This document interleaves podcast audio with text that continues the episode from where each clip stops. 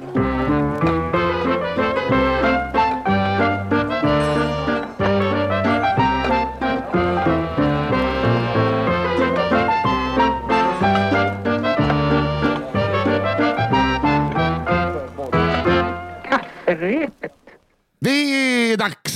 spänna öron och ögon i Så jävla orättvis mot alla. Du får aldrig mer klaga på en ljudtekniker. Vadå? Du har precis suttit och ljudche- ljudtestat och sen så bara drar du. Då, då provar du falsett så högt du kan en gång. Det var ju lite feeling bara. Ja, det får man ju såklart ha. God fredag, det är fredag och ni lyssnar på Kafferepet. Ja. Med mig Nisse Hallberg, Albin Sårman Olsson och Johanna Hurtig Wagrell. Ordningen som vi sitter är helt galen. Eh, och vi är hemma hos mig. Och eh, absolut så var jag, hade jag jackan på mig och på väg ut genom dörren och jag kände att någonting är fel. vi ska vara här idag. Du var på väg. Absolut. absolut. Otroligt. Otroligt. Jag, Eh, Jag så- kände att jag skämdes för att jag var lite för tidig. Så kom jag på, men gud, Albin kommer ju redan vara där. Och det var Ja, du. ja. Det det mycket. Skämdes för att du var typ sex Nej, men jag stod och väntade utanför i kanske sju minuter och tills jag kom på vad gör jag det för? Albin är såklart Men redan varför där. kommer du inte upp för? Men för att jag tänkte att du kanske inte var hemma för jag kände på mig att du hade kanske satt dig på Men då har du inte tunnelbanan. skämt ut dig för någon om, om det är ingen som svarar. Nej, eller så tänkte jag jag kommer bara avbryta Det är det någonting. som är, om man tror att det är en inbrottstjuv, man är ensam Mm. hemma och en inbrottstjuv i huset, då kan man alltid ropa Hallå, är det någon där? För att om det inte är det, då är det ingen som vet att man har gjort bort sig. Om, man, om det är någon där, då har man ju bara gjort bort sig för en brottsling. Att det, det är Nu vet liksom, att det finns någon att döda. Hallå? man kan ropa hur, hur töntigt man vill. Ja.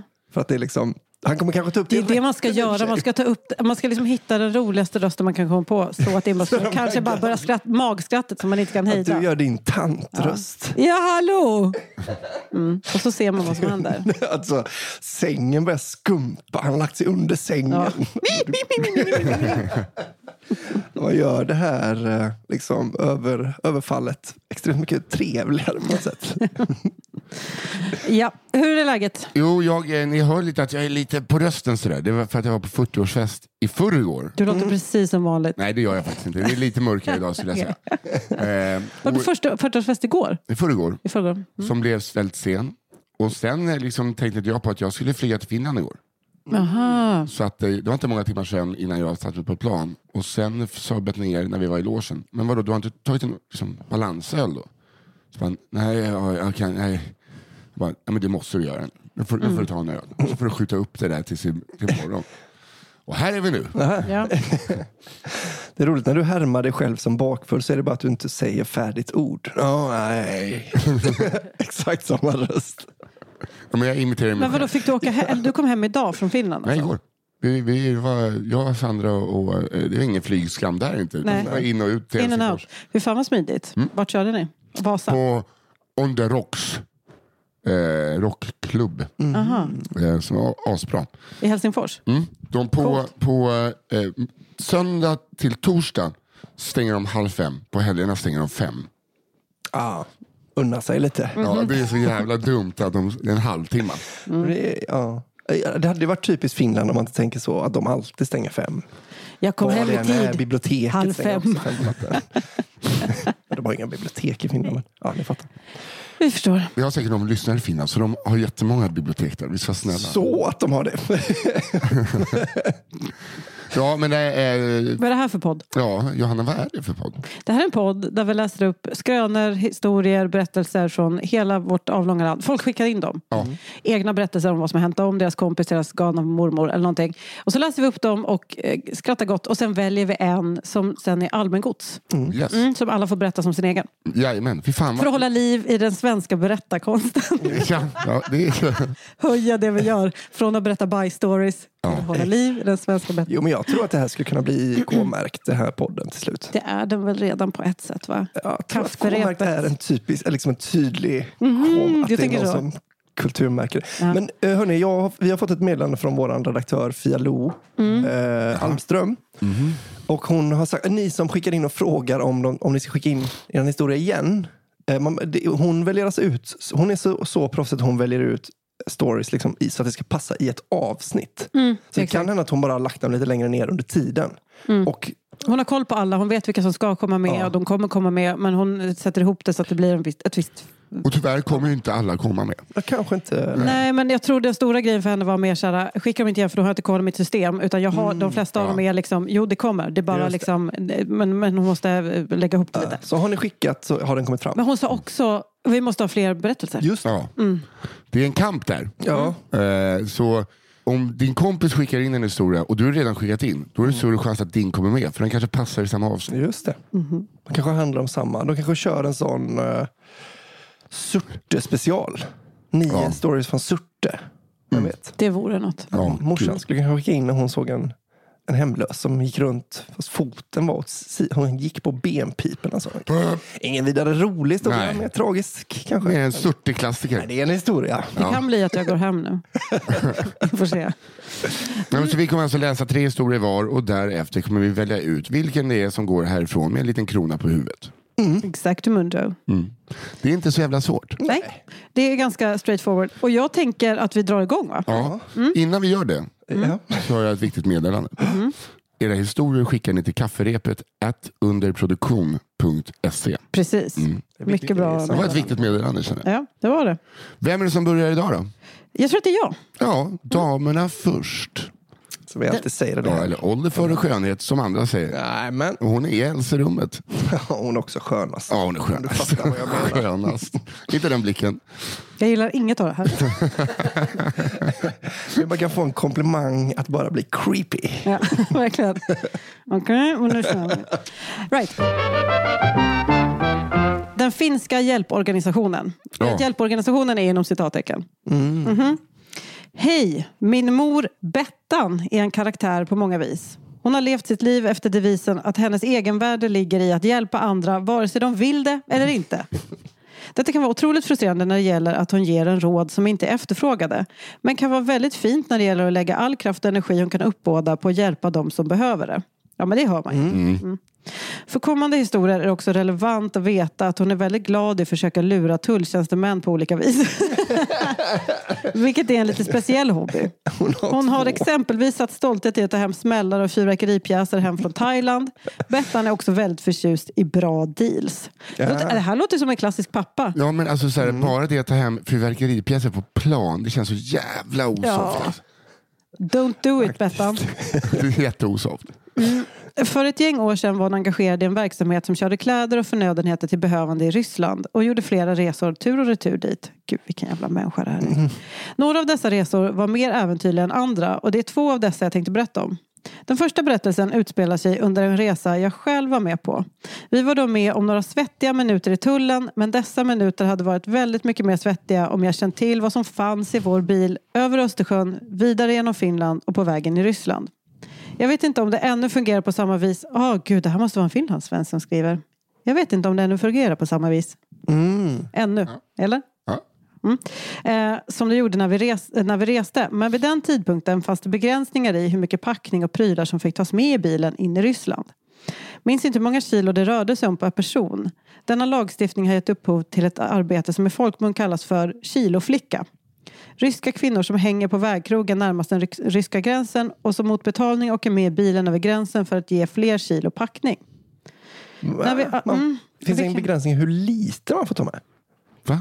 Mm. Ja, alltså, du får bara ha ett visst antal kilo per person. De är inte extra tjocka. Nej. Nej, nej. Det var det jag tänkte, att man, så här- man väger bilen så det är gött att ha. Det där var ju konstigt att du 80 fick det till att det är massa små tjocka gummor. Ja, men att det är en skalle till. För vi gjorde ju så en gång när vi skulle Drömjobb i lämna, sådana fall. när vi skulle lämna kon. Så var det liksom kanske, ja, kan man kan man få tre kronor kilot kanske. Va? Och då eh, satt jag i traktorn när de eh, vägde ena gången. Va? Och sen gick jag ut när de skulle väga hur mycket lättare traktorn var. Så var ju min vikt räknas ju även in då. Jag, att jag, de fick Ja, så det var liksom 120 spänn extra. Något sånt. Eh, Det var det jag trodde, att man var så här, okej, men så här mycket, ni måste ha med mer grejer in på, till Ryssland. Det var det jag tyckte var så konstigt. Nej, jag fattar. Men det var alltså per skalle. Ja. När vi skulle över gränsen eh, med vår väldigt fulla skåpbil var det alltså jag, min mor samt två kiloflickor som lämnade fram våra pass till tulltjänstemannen. Han började genast ifrågasätta hur mycket vikt vi egentligen hade i bilen och beordrade oss att köra bort mot eh, bilvågen för att hans kollegor skulle kontrollera hur mycket packning vi hade med oss. Här märkte jag att Bettans händer darrade och jag sa något kring att det är väl inte hela världen. I värsta fall får vi väl böta för övervikten. Eh, vi kan inte göra så mycket mer åt saken. Jag fick inget svar. Efter att ha väntat en stund vid vågen utan att någon tulltjänsteman kom och hä- kom och hämtade oss sa Bettan Vi skiter i det här. Hoppa in i bilen så kör jag iväg. Sagt och gjort. Ingen polisjakt utbröt. När vi då, några dagar senare var på besök på ett nedgånget sjukhus träffade vi föreståndaren och Bettan lämnar över en väska och ber tolken berätta vad som finns i den. Vilket visar sig vara väldigt många tabletter bensodiazepiner och opiater, synnerligen narkotikaklassade läkemedel.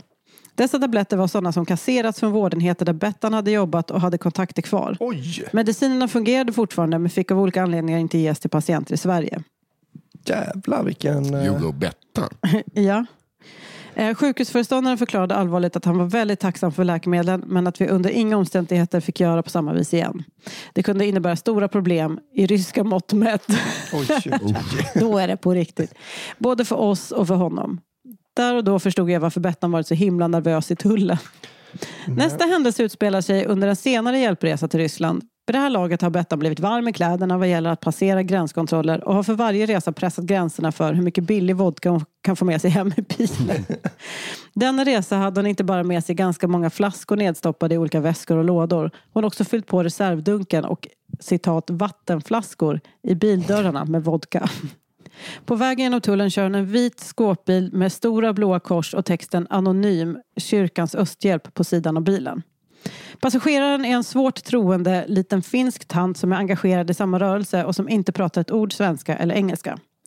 Tulltjänstemannen måste ha haft en sjujädra spindelkänsla för han går lite hårdare åt de två damerna än vad jag tror att många av hans kollegor hade gjort. Han ställer många frågor kring vad de gjort i Ryssland, vem de har träffat, om de har något olagligt i bilen och börjar kika i packningen i bilen. Han hittar fler och fler vodkaflaskor i rask takt. Tror till och med att han kontrollerar vattenflaskorna i, i bildörrarna. Han skrattar rått och ringer sina kollegor på den finska sidan för att förvarna dem att det kommer en vit skåpbil som har alldeles för mycket sprit med sig i bilen. Sträckan mellan ryska och finska tullkontoret känns lång. Stämningen är spänd. Bettan och den finska tanten kan inte kommunicera med varandra men ord är överflödiga. Det är inget snack om att tanten tycker Bettan är en syndare och att hon dessutom dragit ner en oskyldig gudfruktig person i skiten. När de närmar sig det finska tullkontoret står två tullare i uniform och vinkar mot deras bil och pekar mot en avfart. Bettan börjar svänga in men då börjar tullarna göra stopptecken och peka tillbaka mot vägen. De signalerar nämligen mot den andra vita skåpbilen som kör just bakom dem och, be- och ser betydligt mer suspekt ut. Utan stora kors och tryck från en hjälporganisation på sidan. Bettan kör glatt vidare men får ingen high five av den troende tanten. Även om det verkligen hade varit på sin plats. Allt gott. Fan, Nej, men jag toppenmamma det här. Ja. Men, äh, det måste Och att hon ändå är så här, jag vill hjälpa folk. Men Och jag vill tjäna lite pengar på spriten. ungdomar. jag vill också ha spriten. Men hur, det måste ju vara Mm. extremt olagligt att ta med kasserad benzo. Ja. Ja, ja, absolut. Och Hon lär ju inte gjort det utan att få en liten handskakning Nej, med lite pengar. nej, nej. nej. Du Jag tror tror- det?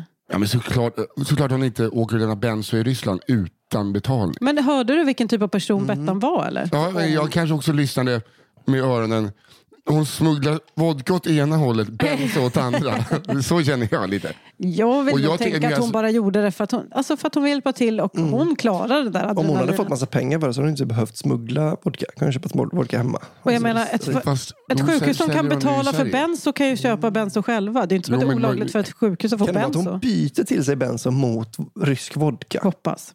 Ja, men alltså, jag hoppas ju också att hon, alltså, hon tjänar där, vi säger att hon får 10% av marknadsvärdet, pang, pang, pang, jättemycket benzo. Sen köper hon för de pengarna vodka, kränger det till kids i Sverige. Fram och tillbaks. Fram och tillbaks. Men så länge hon slutar på att liksom leverera plus. benzo, att precis innan hon smugglar he- hem vodka, då har ju det liksom varit i en, eh, en god, ett gott syfte. Om hon däremot slutar bara med en, en liksom bil full med sprit, Ja. då är hon ju en skurk. Nej, Hon kommer aldrig vara en skurk i mina ögon. Nej. Skulle, som kallar Nej, okej, Robin Hood skurk för var. skurk. Ja, det Hon finns- måste ju överleva också. Det finns de som kallar Robin Hood för Ja, skurk. Sörväs. Ja, exakt. Det finns också de som är upprörda på Karl-Bertil Jonssons jul. ja. Karl-Bertils pappa. Nu ska vi se. Jag har fått en liten fil med Pop, pop, historia. pop, pop. Åh, Och min första historia heter Som du har fått av Fia, för vi Fia. läser ju... ja, eh, Prima Vista. Mm. Ja. ah, prima visst. Nej, det, det, Det, jag, det, där sätter jag ner foten. Ja, det får räcka. Ja, det får räcka. Den heter Don Corleones morsa. Okej. Ja. Min farmor och farfar bor i en mindre ort utanför Stockholm. Farmor har alltid varit hemmafru. Sedan de fem barnen flugit ut ur boendet så har hon roat sig med både det ena och det andra. Min farmor har en otrolig fantasi. Det är kul om hon åkte till Ryssland med en väninna. Detta utspelar sig under det glada 90-talet och farmor har sett Gudfadern. Farmor fullkomligt älskade Gudfadern och maffian så pass mycket att hon började kalla min pappa för Don efter Don Corleone. Fast han hette Donald. Ja, antagligen. Donald. Hennes fascination över saker gick ibland överstyr. Kom pappa gåendes i centrum skrek hon högt. Titta där kommer Don! Min Don Corleone! Hon köpte, rock, Det är hon som köper all vodka och Bettan. hon köpte rockar, hattar och halsdukar till Don. Min pappa var, som då var i 30-årsåldern. När jag var hos min farmor, lilla goa, glada och underbara farmor så var det inte sällan vi tog oss på eh, promenad eh, med hundarna om kvällen. Jag vet inte vad hon trodde skulle ske där ute på landet där hon gick med handen knuten som en- pistol i fickan.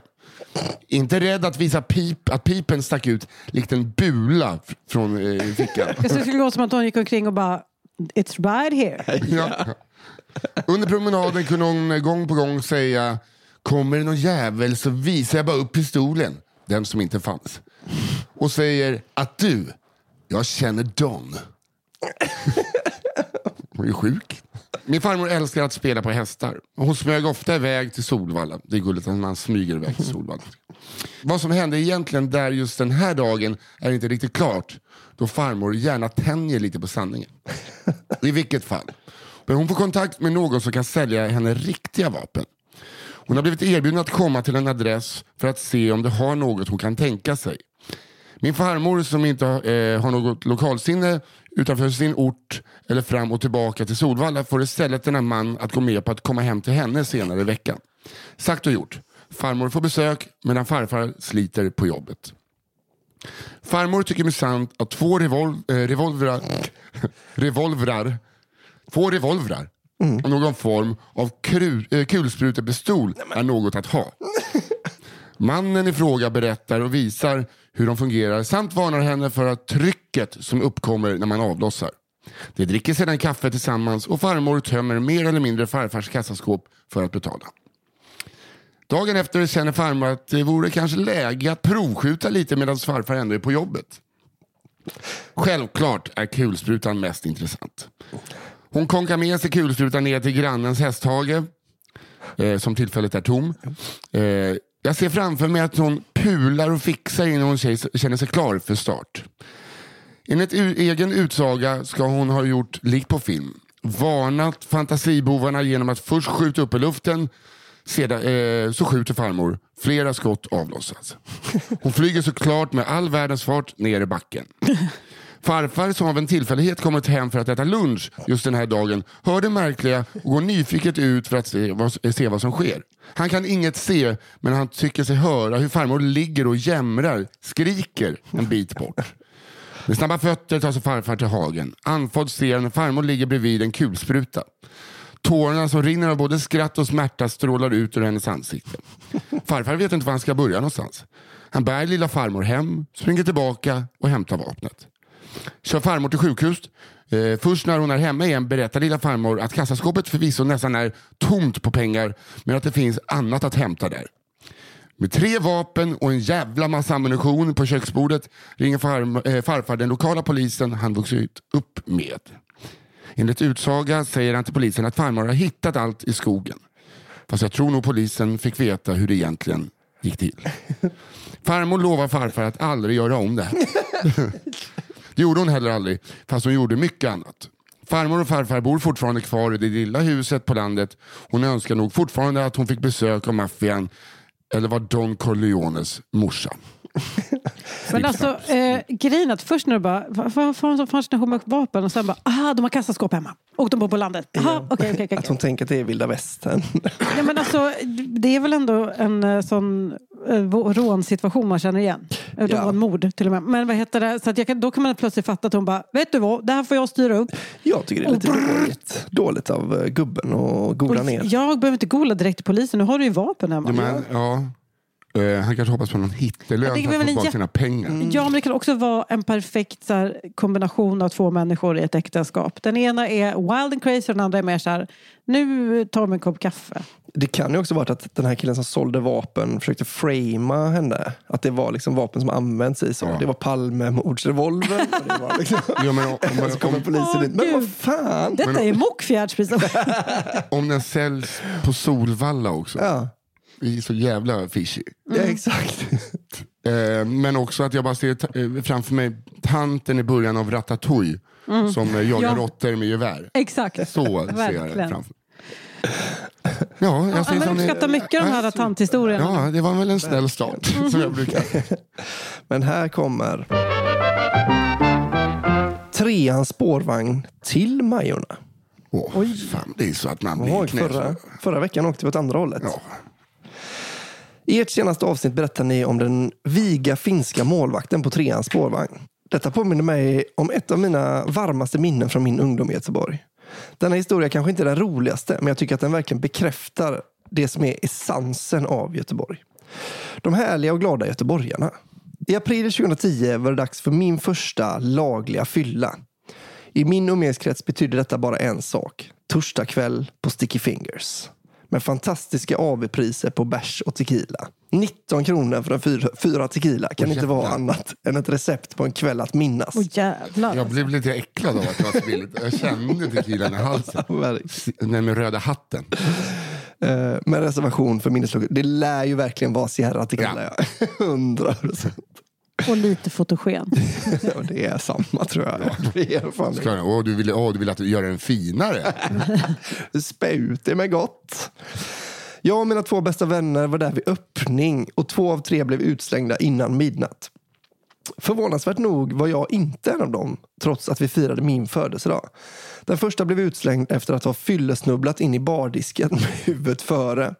Efter några Long Islands. Ah, några långa. Det är ändå drygt en deciliter ren Ja. sprit i varje. Den andra kräktes efter att vi som prank spetsat hans Sommersby med starköl. Är- Är de inte lika starka? Jo, de är lika stark. Men det är... Det är väldigt roligt. Prank. Att man gör bara den ganska Oh, det blir goda sidan. svagare! Ja, men äckligare. Nöjda efter kvällens bravader begav vi oss mot treans spårvagn för färd till min brors lägenhet i Majorna. Där vi skulle sova av oss ruset inför fredagsmorgonens mattelektion. På spårvagnen var stämningen god och helt plötsligt tog det en vändning och blev fantastiskt. En ung man med en gitarr satt ensam i ett säte och spelade lite tyst för sig själv.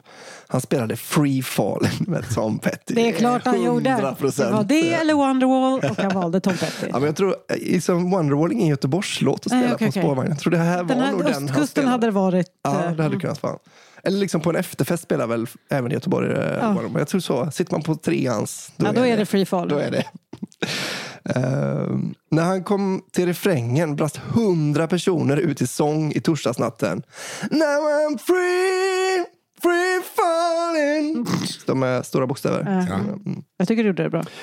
Eufori spred sig på vagnen för vi insåg alla att vi upplevde något fantastiskt. Som något hämtat ur en musikal. Det är Thomas Ledin-musikalen förvisso. Verkligen. Jo, men ändå. Vi sjöng om och om igen på vår resa genom natten på första Långgatan. När vi inte trodde att det kunde bli bättre så ho- hoppade det på en ung kvinna på Kaptensgatan. Hon joinade oss givetvis i sången, men efter refrängen öppnade hon sin ryggsäck och plockade fram en blockflöjt. Åh gud, fan nu är det jam session. Nu är det jam. Hon drog av det fetaste flöjtsolot vi hört. det var helt otroligt. Det var också det första Det är flöjtsolot de också hörde. det sämsta de hört förmodligen. Ja, det var en blockflöjt. Det var inte en jazzflute.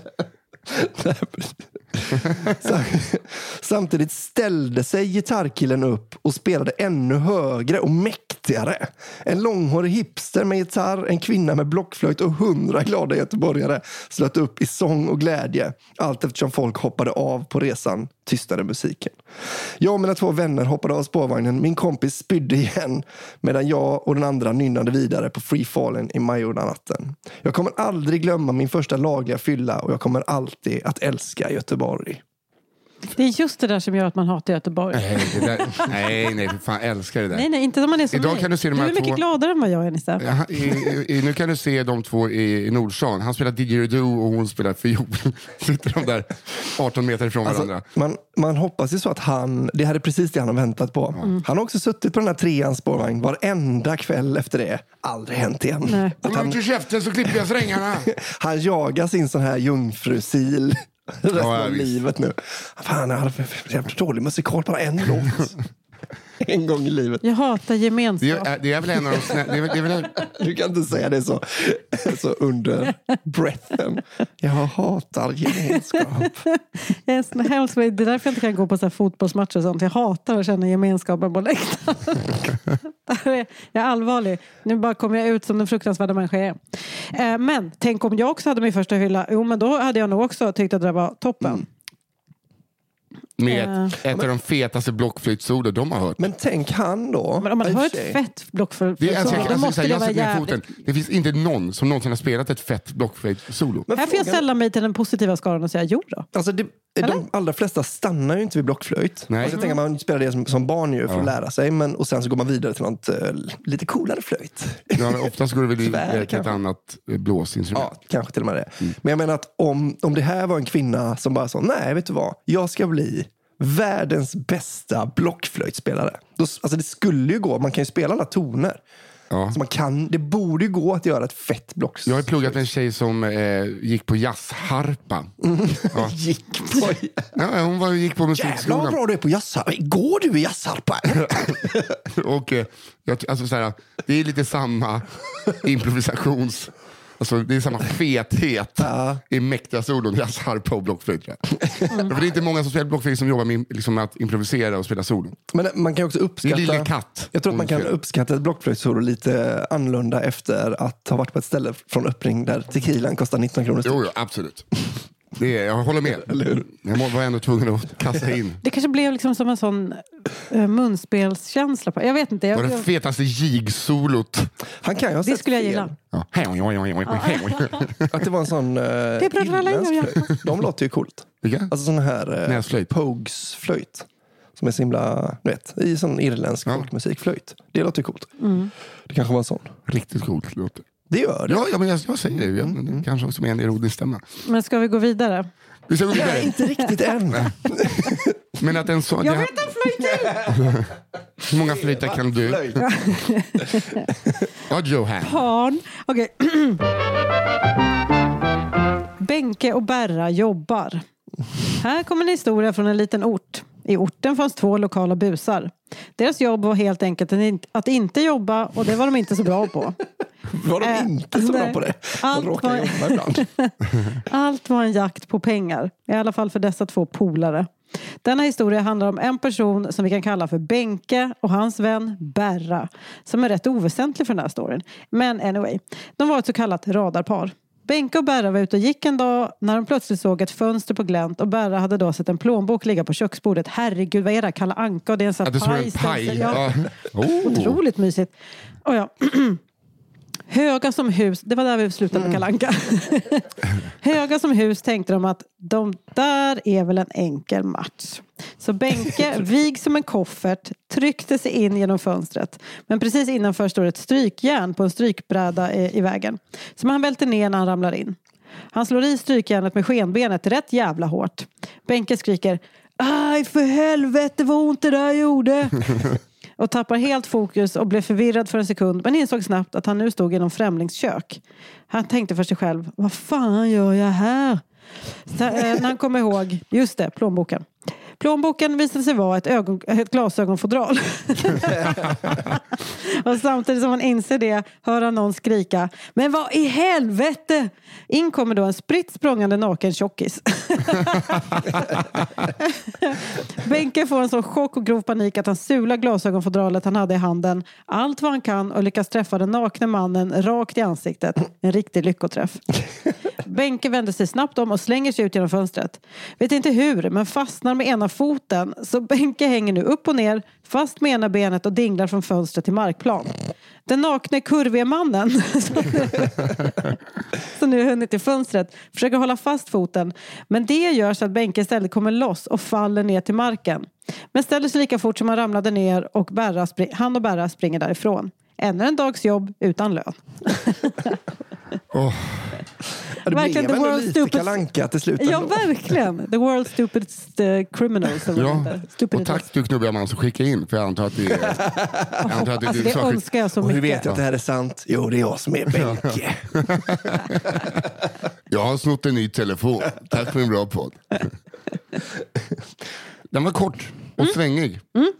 Den var en, ett litet eh, energipiller. Här kommer Rabarbertanten. Oh, Dagens historia utspelar sig i en medelstor ort i Västsverige under 00-talets början. Jag var i lågstadieålder och spenderade ofta tid hos mina farföräldrar under sommarlovet. Jag och farfar roade oss med att mecka med min pappas 30 år gamla moped, Rex Comet Cross, om någon är intresserad. absolut. Klippa gräs och köra högtryckssätten på altanen. Fy fan, vilket... vilket Vilken sommar. Vilken, ja. Det, det, var- åh, det var så Nej, du blev utnyttjad av din farfar att göra, jobba. Ja, men nu, nu ska vara. skurar du eh, Ja. terrassen här så ska jag hjälpa dig att trimma. Livet eh, kunde inte vara eh, bättre enligt mig. Efter en av min farmors legendariska pannkaksluncher fann jag mig kikandes ut genom vardagsrumsfönstret. Jag såg då en äldre kvinna framåtböjd vid farmor och farfars potatisland. Allt jag såg var en blommig kjol och beigea strumpbyxor. Jag tänkte för mig själv att det måste vara farmor som påtar i landet tills jag insåg att hon stod med disken i köket. Jag ropar Farfar! Det står en tant i potatislandet! Farfar svarade lugnt. Plockar hon rabarber? Eh, I så fall är det bara rabarbertanten. Jag tittade ut på tanten igen som nu hade rest sig och bar på stora rabarberstjälkar i vardera hand. Hon tittade över axeln som att hon kollade att kusten var klar. Hon hukade, smög långsamt på tårna som Robin Hood gör när han försöker att inte väcka prins John och Sir Väs efter att ha stulit deras guld i slottstornet. Tänk er att ledmotivet från Rosa Pantern spelas samtidigt så hamnar ni i rätt sinnesstämning. Albin, kan inte du köra en liten? Tudum, tudum, tudum, tudum, tudum, tudum, tudum. Och där var vi i rätt sinnesstämning. När hon hade kommit ut på trottoaren igen såg hon oerhört nöjd ut. Ytterligare en lyckad kupp.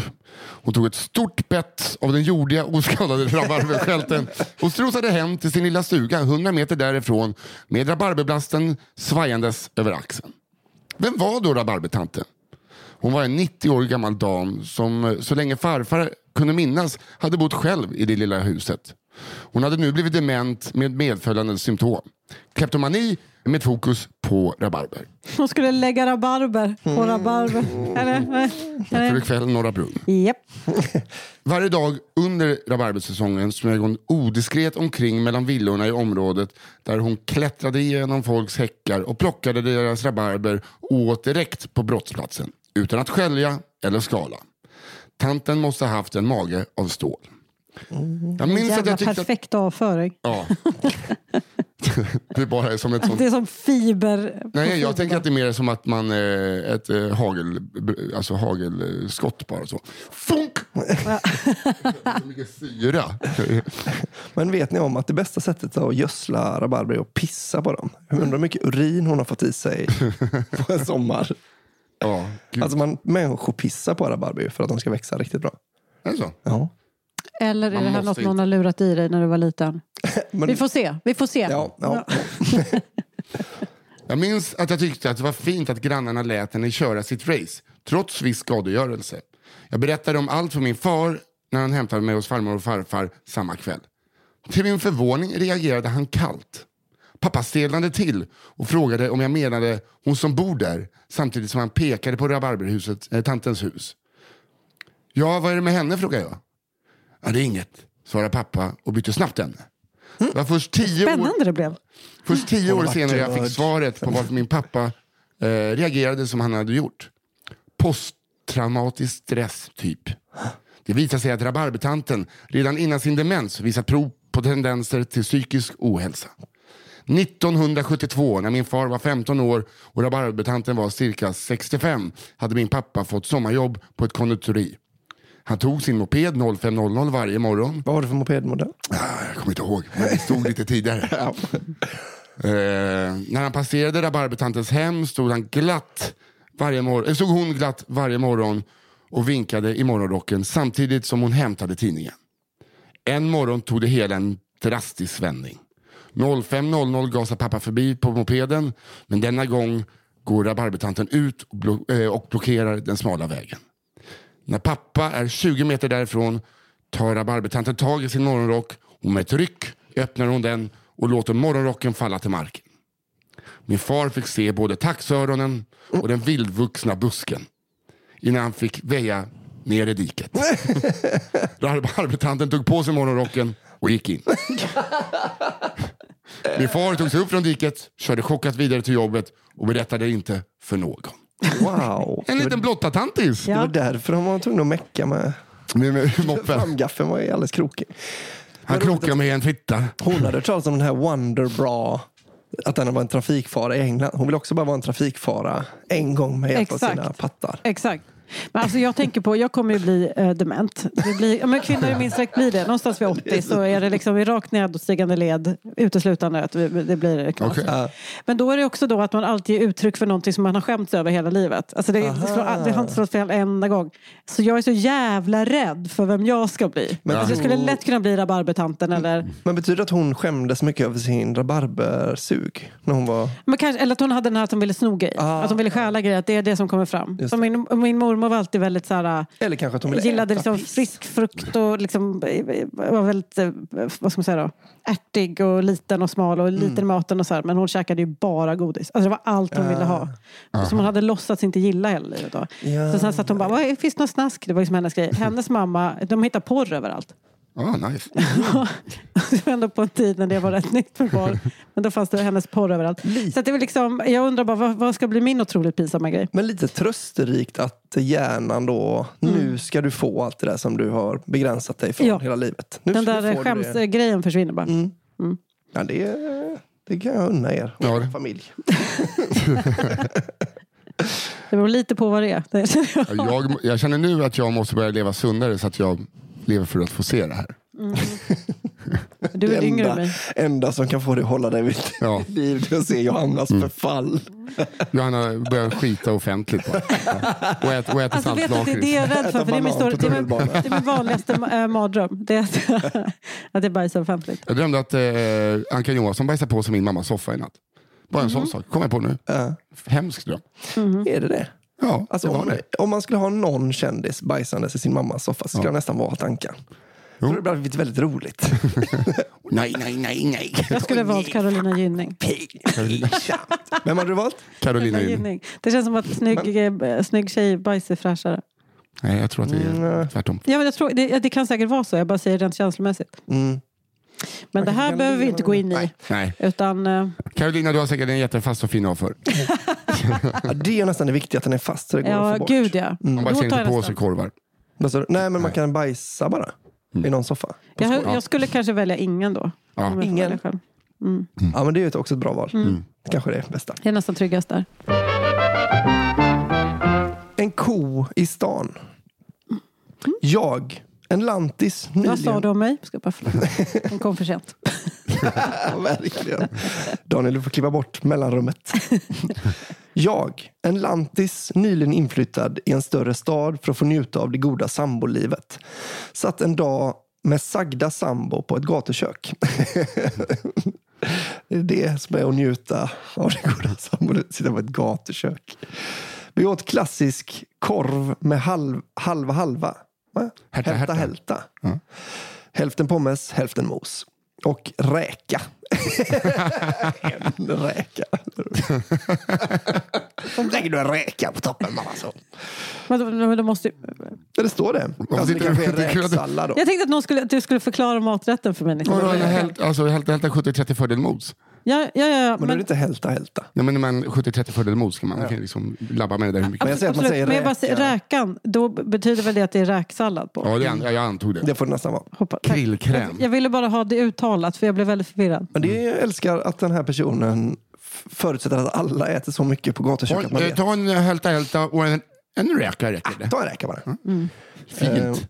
Snett bakom oss låg en riktigt gammal golden retriever. Mellanåt gav ifrån sig ett tydligt mm bakom min rygg. Och jag skojade med sambon om att det kändes som hemma. Kor i stan. Haha, så tokigt. Han tittade lite märkligt på mig men höll väl med.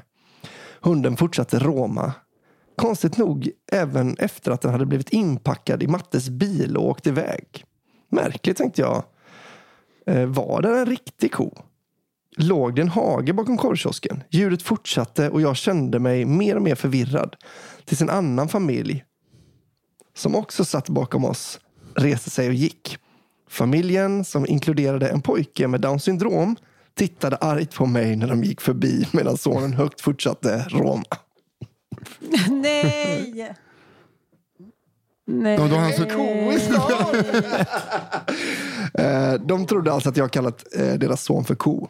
Fräsch Nej. människosyn. Ja, Aj, aj, aj, nej. aj. Och det är bara ett misstag ju. Men det spelar ingen roll, det. förstår du hur ont Alltså, det gör Nej, i den alltså, här familjen? såklart det inte spelar någon roll. Men eh, Alltså jag menar, det spelar roll för hur hemsk den människan är. Den är det var inte mer, men jag bara, bara, själva situationen är ju ändå som man vill... ja, jag vet, jag eh, tappar lite. Och det är sån här man kan få en sån ja, ja, ja. när som helst i livet. ja, det kommer komma som en kall dusch Men- whenever. Om, om, om tillräckligt många tipsar folk om att lyssna på den här podden, då kommer det här nå familjen Ja. som med sonen. Och då kommer de i alla fall få reda på att den här, så ond var i alla fall inte människan, även om det inte var så kul när, just när det hände. Nej. Så det jag försöker säga är egentligen att eh, Sprid podden. sprid podden. Gör en insats. Vi behöver mer lyssnare. Vi behöver många fler lyssnare. ja. Hörni, då kommer min sista. Mm. Det dåliga samvetet och dålig på kurragömma.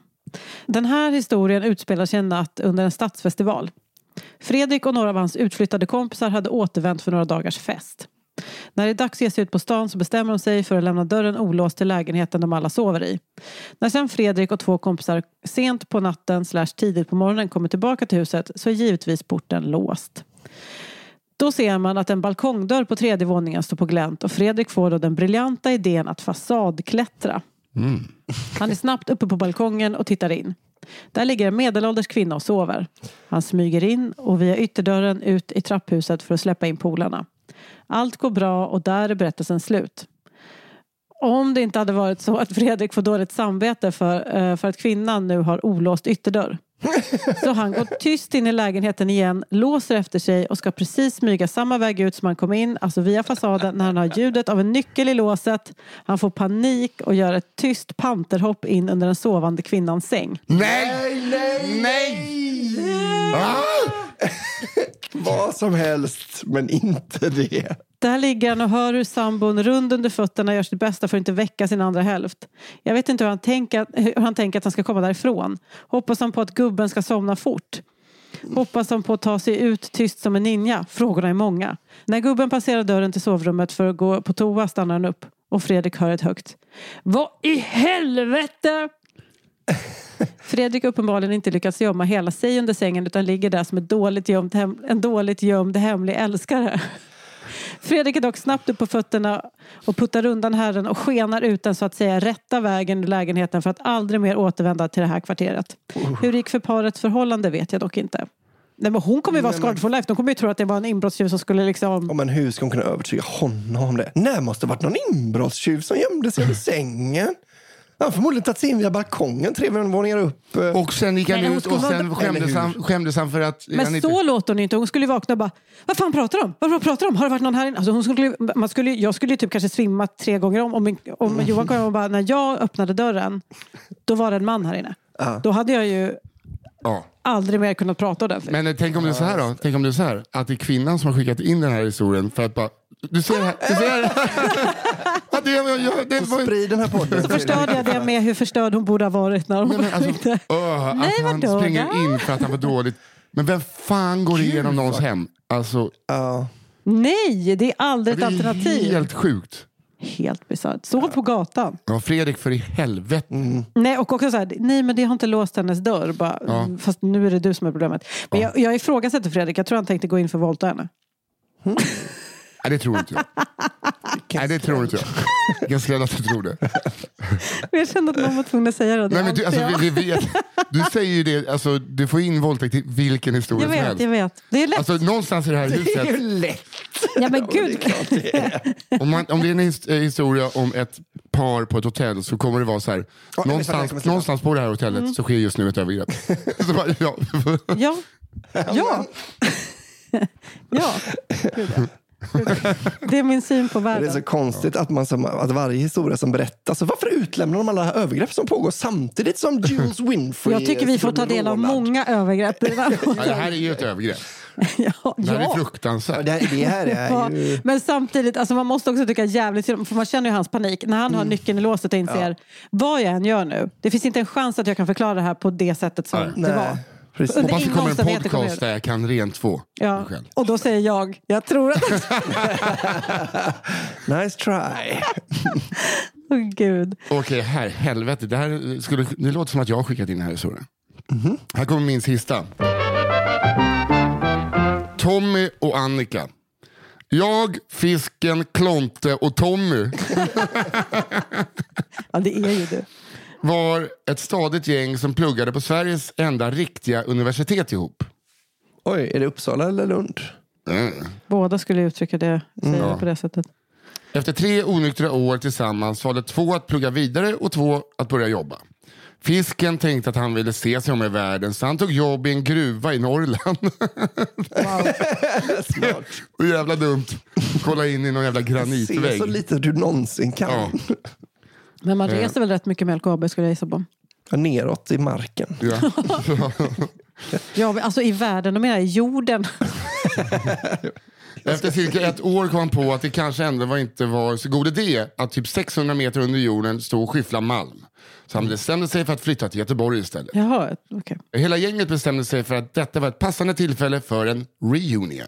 Mm. Sagt och gjort. Vi samlas i Göteborg och det är bestämt att jag ska sova tillsammans med fisken i hans nya lya och Tommy och Klonte delar rum på vandrarhem.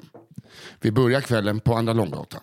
Med målet att jobba oss eh, från ena sidan till andra sidan. När vi kommit en bit in på gatan så börjar Tommys fokus istället skiftas mot telefonen. Till slut säger han Vad säger ni? Ska jag ringa Annika? Jag, fisken och Klonte suckar i kör. Men för fan Tommy, vi pallar inte längre.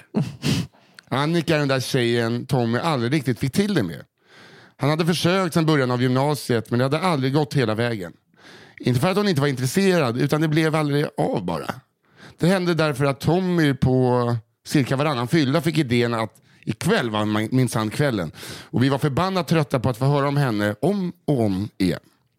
Tommy visste att Annika precis flyttat hem till Göteborg igen. Men var det Chalmers de menar då? Ja, det kan det vara. Sveriges enda... Jaha. Ja, förlåt, det var, jag har verkligen inte med saken att göra. Jag tror inte det kommer handla om det här till slut. Nej, Det måste vi ta. Han som bara försökt anonymisera. Nu tar vi det. Tommy visste att Annika precis flyttat hem till Göteborg igen så det var kanske inte en så dum idé att ringa henne ändå. Alla kom överens om att det kanske inte var en omöjlig idé. Men om han skulle ringa så fick han gå och göra det någon annanstans så inte vi behövde höra. Efter ett par minuter skuttar Tommy fram till bordet och vrålar. Hon sitter på tredje lång! Nu drar vi! Har hon några polare? frågar vi. Jajamän, svarar Tommy och idén verkar helt plötsligt ganska lysande. Vi drar bort till tredje lång och alla har det skoj. Tommy och Annika sitter i ett hörn för sig själva medan resten av gänget skrattar och skojar med varandra. Klockan blir sent och alla ska hem. Men denna gång frågade Annika om hon inte kunde få följa med Tommy hem. Alla hennes polare skulle sova i hennes lägenhet så Tommy säger att hon gärna får följa med till hans vandrarhemsrum. Klonte som precis super bort sitt bankkort är inte lika exalterad över förslaget. De tre kommer in till rummet på vandrarhemmet och kommer fram till att det nog är bäst att Klonte sover underst i våningssängen. Så Tommy och Annika kan sova, inom parentes, överst. Klonte är skitsur. Jag tänker mig att det här är eh, vandrarhemmet, alltså vid Masthuggets vandrarhem. Aha. Eh, Där har jag bott. I van- eh, våningssäng. Med Fritte och Martin. Klonte. Klonte. Tommy och Annika kör på. Det pillas lite varstans och lite då och då ger Klonte ifrån sig ett, hög, eh, ett högljudd irriterad suck så att det kanske ska förstå att han försöker sova. Ingen förstår. Baskill alltså. Ja. Helt plötsligt eh, slutar Annika och säger till Tommy Kan vi inte göra något helt crazy? Tommy blir lite orolig. Men eh, vet att efter sju års trånande inte är läge att säga nej just nu. Tommy svarar Ja såklart, vadå? Annika svarar Vi springer och bankar på alla dörrar i korridoren. Tommy svarar eh, Okej. Annika svarar igen Fast nakna. Då eh, säger Tommy "Eh, Alltså jag kan, eh, du kan göra det så håller jag upp dörren. Fantastisk idé tycker Annika. Klonte suckar högljutt. Hon smyger naken längst ner i korridoren medan nakna Tommy står redo i dörren. Även Lill-Tommy står fullt redo. Ja, ja. Hon tar sats. Sen springer hon så snabbt hon kan längs hela korridoren och skriker högt och bankar på varje dörr hon passerar. När hon ska ta svängen in till deras rum snubblar hon till och landar oturligt nog med ansiktet rakt in i dörrkarmen. Aj, aj, aj, aj. Tommy blir helt skräckslagen eh, och försöker lyfta upp henne.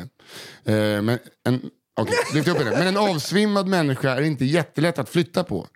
Han lyckas få upp henne mot väggen i korridoren och ser då att det rinner blod från munnen. Annika Det här vaknar ser till. så illa ut. Ja, Ja. när de börjar öppna. Hoppas inte att det är jag som kommer ut i korridoren och ser dem för ni vet vad jag kommer tänka direkt. Annika vaknar till, helt groggy och undrar vad som hände. När hon öppnar munnen ser Tommy att där det tidigare satt två framtänder satt det nu ingenting alls. Annika börjar känna att det är blött på hakan varpå hon märker att det är blod. Nej. Annika storbölar. Klonte suckar högt. Tommy försöker utan resultat trösta henne varpå en av grannarna sticker ut huvudet och undrar vem fan det är som bankar på hans dörr klockan tre på natten.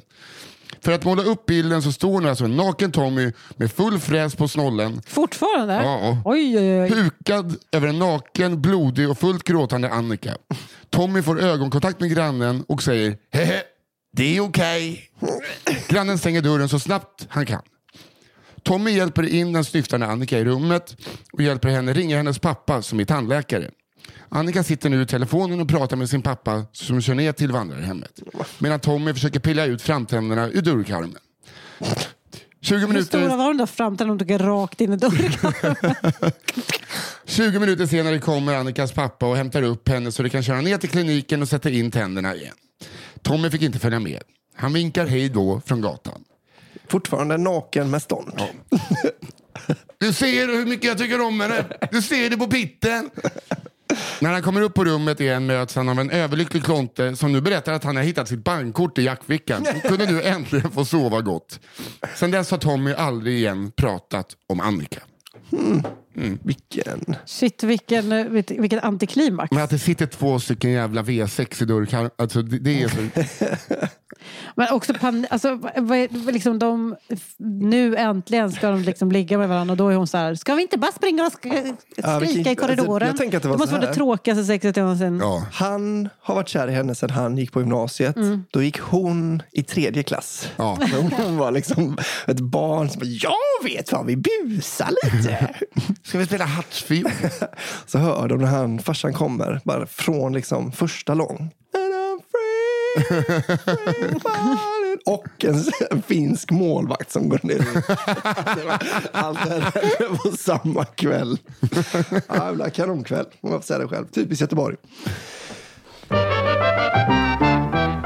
Fappa i syne. Jaha. Jag tror att vi kommer väl få reda på vad Fappa är. Vet Ja. ni? Jag gissar på det. Antagligen någonting med övergrepp att göra. Ja, det skulle jag gissa på. Ja, det är det säkert. Detta är en historia jag önskar att jag kunde berätta i, ni vet den där galningen på byn-stilen. Men tyvärr, denna historia handlar om mig. en ung mig under det upptäckandes tid och allt vad det innebär. I en trygg liten ort på rätt sida älven. Trots att Albin hävdar motsatsen. Det är Surte. yes! Ja, det är otroligt. Eh, Jag är uppvuxen lite utanför vår lilla ort i ett lugnt villaområde där folk höll på med fritidsaktiviteter runt omkring. Fotboll på den gamla planen en bit bort. Folk som promenerade förbi i tid och otid och en annan eh, hästapolle med tillhörande ryttare. Kort och gott en trygg idyll. Dagen jag ska berätta om skäms jag... det är så jävla lovande. Dagen jag ska berätta om skäms jag över fortfarande. Jag har nog bara berättat den för en enda människa. Det var en sommardag i vårt lilla område omkring 2005. Jag var ensam hemma, syskon och föräldrar var ute och gjorde sitt. Jag kände plötsligt att lusten föll på. Jag tänkte att en liten session framför datorn kändes passande. Med session menar jag dessvärre skärmfapp. Det är ronka då. Jaha. Eh, framför skärmen onani. Ja, kalla det vad ni vill. Eh, jag startade den vita Jag har inte fapp i alla fall. Nej, det. Men är det för att det låter fapp, fapp, fapp, fapp, fapp, fapp, Antar det. Gissningsvis. Ja. Det här är kids språk, förstår man ju. Eh, det, det, det. Jag startade den vita datorburken, loggade in på något i stil med xxx.com. Jag började leta i djungeln av nakna damer och snusk. Hörlurarna på och handen i brallan. Jag antar att jag hittade någonting som föll i smaken. För där satt jag en bra stund och fick utlopp för mina tonårshormoner. Plötsligt hördes en bildörr som small igen. Som många andra så känner man ibland igen precis vilken dörr som smälls igen och vet precis vem som har kommit hem. I detta fall var det min kära mor. Nemas problemas, hann jag tänka. Det är ändå en liten bit från garaget och jag borde gott och väl hinna stänga ner snusket. Jag klickar bort snuskfönstret på datorn, tar av mig hörlurarna och tycker mig ändå känna mig nöjd. Jag vänder mig från datorn och stannar till. Ljud. Stön. Vad fan är detta? Hinner jag tänka. Jag vänder mig tillbaka mot datorn. Inget internetfönster uppe. Vad är det som låter? Stegen från bilen rör sig närmare mot huset. Mer stön. Jag tvångsstänger ner datorn. Fortfarande ljud. Paniken börjar komma. Vad är det som låter? Det låter som om det är ett gangbang i hela rummet. Inte överdrivet högt, men det låter ändå. Mer panik. Jag drar ur sladden till högtalarna. Fortfarande ljud. Jag drar ur strömkontakten till datorn. Ljud. Panik! Jag springer nu som en yr höna i rummet. Kryper på golvet och kollar sladdar. Svetten rinner på min panna. Min stackars mor kan ju inte komma hem och lyssna på efterdyningarna av min FAP-session. Jag letar och leda, letar vart ljudet, stönen, stånken kan komma ifrån. Jag hittar ingenting. Jag planerar samtidigt som jag febrilt försöker hitta källan till snusket, min stundande emigration till månen. För ingen för förälder kan väl tillåta sitt överpilska barn att bo kvar i barndomshemmet. Nej, jag ställer mig upp, är beredd att tacka för mig och hoppa från balkongen när jag förstår. Där är det, ljudet. Det kommer utifrån. På 0,1 sekunder förstår jag vad som har hänt. Det jag haft panik över att höra, det så kallade snuskljudet, kommer från fotbollsplanen. Jag har i kanske två minuter i min panikhjärna tolkat en fotbollsträning för unga killar som standard porno sounds. Det är tjo och tjim. Klassisk porrljud.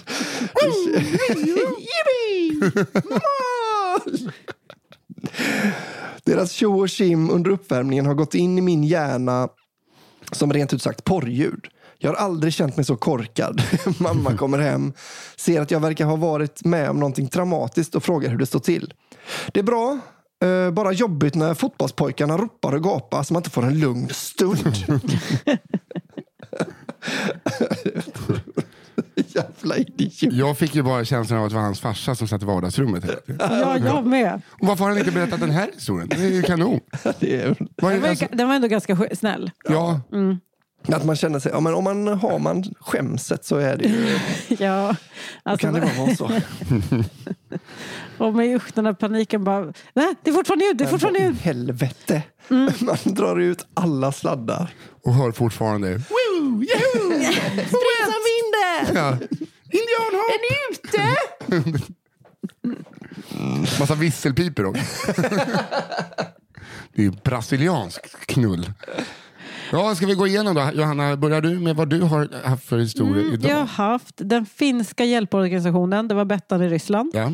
Sen har jag Benke och Berra jobbar. Mm. Och sen hade jag eh, det dåliga samvetet och dålig på. Ja. Ja, Fredrik som eh, betedde sig fruktansvärt. Och jag hade Don Corleones morsa, Mm. pistoltanten, eh, rabarbertanten, den dementa blottaren, eh, och Tommy och Annika.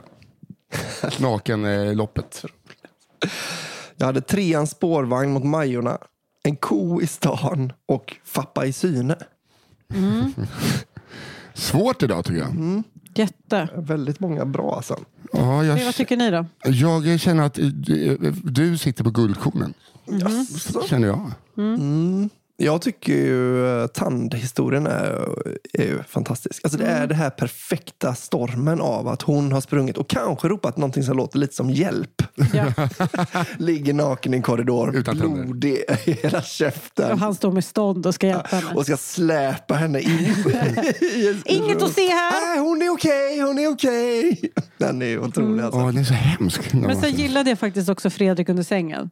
ja, Den känns som en sån himla spännande story. Ja. ja. Alltså man fick ju sån puls. ja, men jag tror att eh, Fredrik under sängen är min favorit. Mm, det kanske min För- också faktiskt. För den är också känns lättast att den känns lätt att berätta. Mm. Den är obehaglig för alla, till och med jag är rädd för folk under sängen. Ja, gud. Livrädd. Värsta jag kan tänka mig. Och att han bara dyker in under och inte lyckas helt. Otroligt. ja, men då är det avgjort. Mm. Då Ja, är, Det, det är alltså din andra historia. Min tredje. Din tredje, så historia nummer sju. Mm. Eh, som, är, eh, som är eran att eh, göra vad fasen ni vill med. Precis. Ja. Man får krydda dem också. Ja, Ja, gud, man gör vad man vill. Den Ja. är din nu. Eh, sprid den över landet. Ja. Sen, du behöver eh, inte skicka in den till oss. Om ni hör den liksom i en annan version så behöver den inte, för vi har ju redan haft den. den har vi haft. Men om man har någon bra historia så kan man skicka den till kafferepet underproduktion.se. Yes. Kan och bör. Ja. Ni ska. Om man inte kan få nog av oss och roliga historier, då kan man bli prenumerant på eh, cigarrummet på underproduktion.se cigarrummet. Alltså in på 29 kronor. underproduktion.se. Bläddra runt. Ja, och så får man ett, eh, då pratar vi med en rolig en humorist varje månad och eh, Om dens eh, uppväxtsituation, historia därifrån, sådana grejer. Och det kostar alltså 29 spänn i månaden. ja, det är Och då stöttar man kafferepet. Så Ja. vi kan fortsätta. Så vi kan eh, betala Fia Lo Almström som är redaktör och Daniel Aldmark som är vår klippare. ja. Mm. Två cola och en Netflix-prenumeration. Ja. Men tack så mycket för den här veckan. Tack Trevlig själv. helg. Trevlig helg! Hej då!